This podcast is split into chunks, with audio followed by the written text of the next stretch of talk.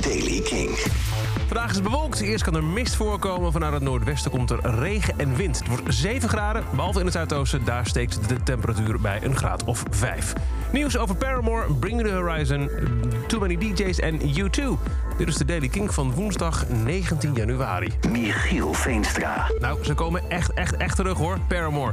Ze zijn namelijk headliner van een achterlijk festival voor liefhebbers van poppunk. Gisteren aangekondigd When We Were Young. Dat plaatsvindt in oktober dit jaar in Las Vegas. Met onder meer Jimmy Eat World, Bright Eyes, Neck Deep, A Day to Remember... Uh, Avril Lavigne, verzin het maar. Alles wat poppunk is uit de Zeros en de Tens staat er. Met als headliners My Chemical Romance en Paramore. Ja, de eerste Paramore-show sinds dat ze in 2018 met, met pauze gingen. Dus we weten al, ze zitten in de studio... en nu zijn ze ook al geboekt als headliner voor een festival. When We Were Young is omschreven als een epic line-up of emo en rock bands from the past two decades. En ik ken heel veel mensen die nu al dromen van een reis naar Las Vegas in oktober. Wie er ook staat op het festival is Bring Me The Horizon, maar dan moeten we langer verwachten in Nederland.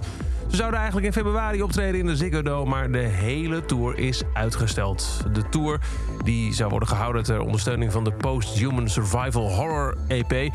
zou beginnen op 1 februari in, uh, in Antwerpen, maar uh, alles is verplaatst naar volgend jaar. Bring Me The Horizon staat nu op 24 februari 2023 in de Ziggo Dome. Gekochte en gewonnen kaarten blijven geldig.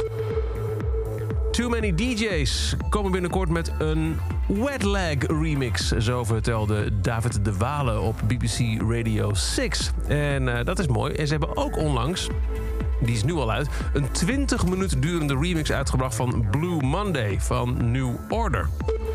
En dan nog Bono van U2. In een podcast van The Times heeft hij gezegd dat hij het vreselijk vindt om zichzelf te horen.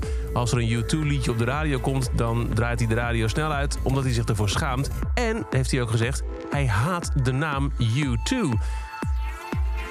Het was allemaal in die tijd dat we begonnen. De U-boot klonk allemaal heel erg spannend. Spionnen en zo. En nou ja, dat werd er een beetje... Daar moeten we wat mee doen. En Paul McGuinness, onze eerste manager, zei... Ah, fantastisch joh, het gaat goed staan op een t-shirt, een letter en een nummer. Maar hij vindt het tot op de dag van vandaag nog steeds een heel slechte bandnaam. Dus Bono van U2 haalt de bandnaam en zijn zingen. Het enige wat hij wel lekker vindt is Vertigo.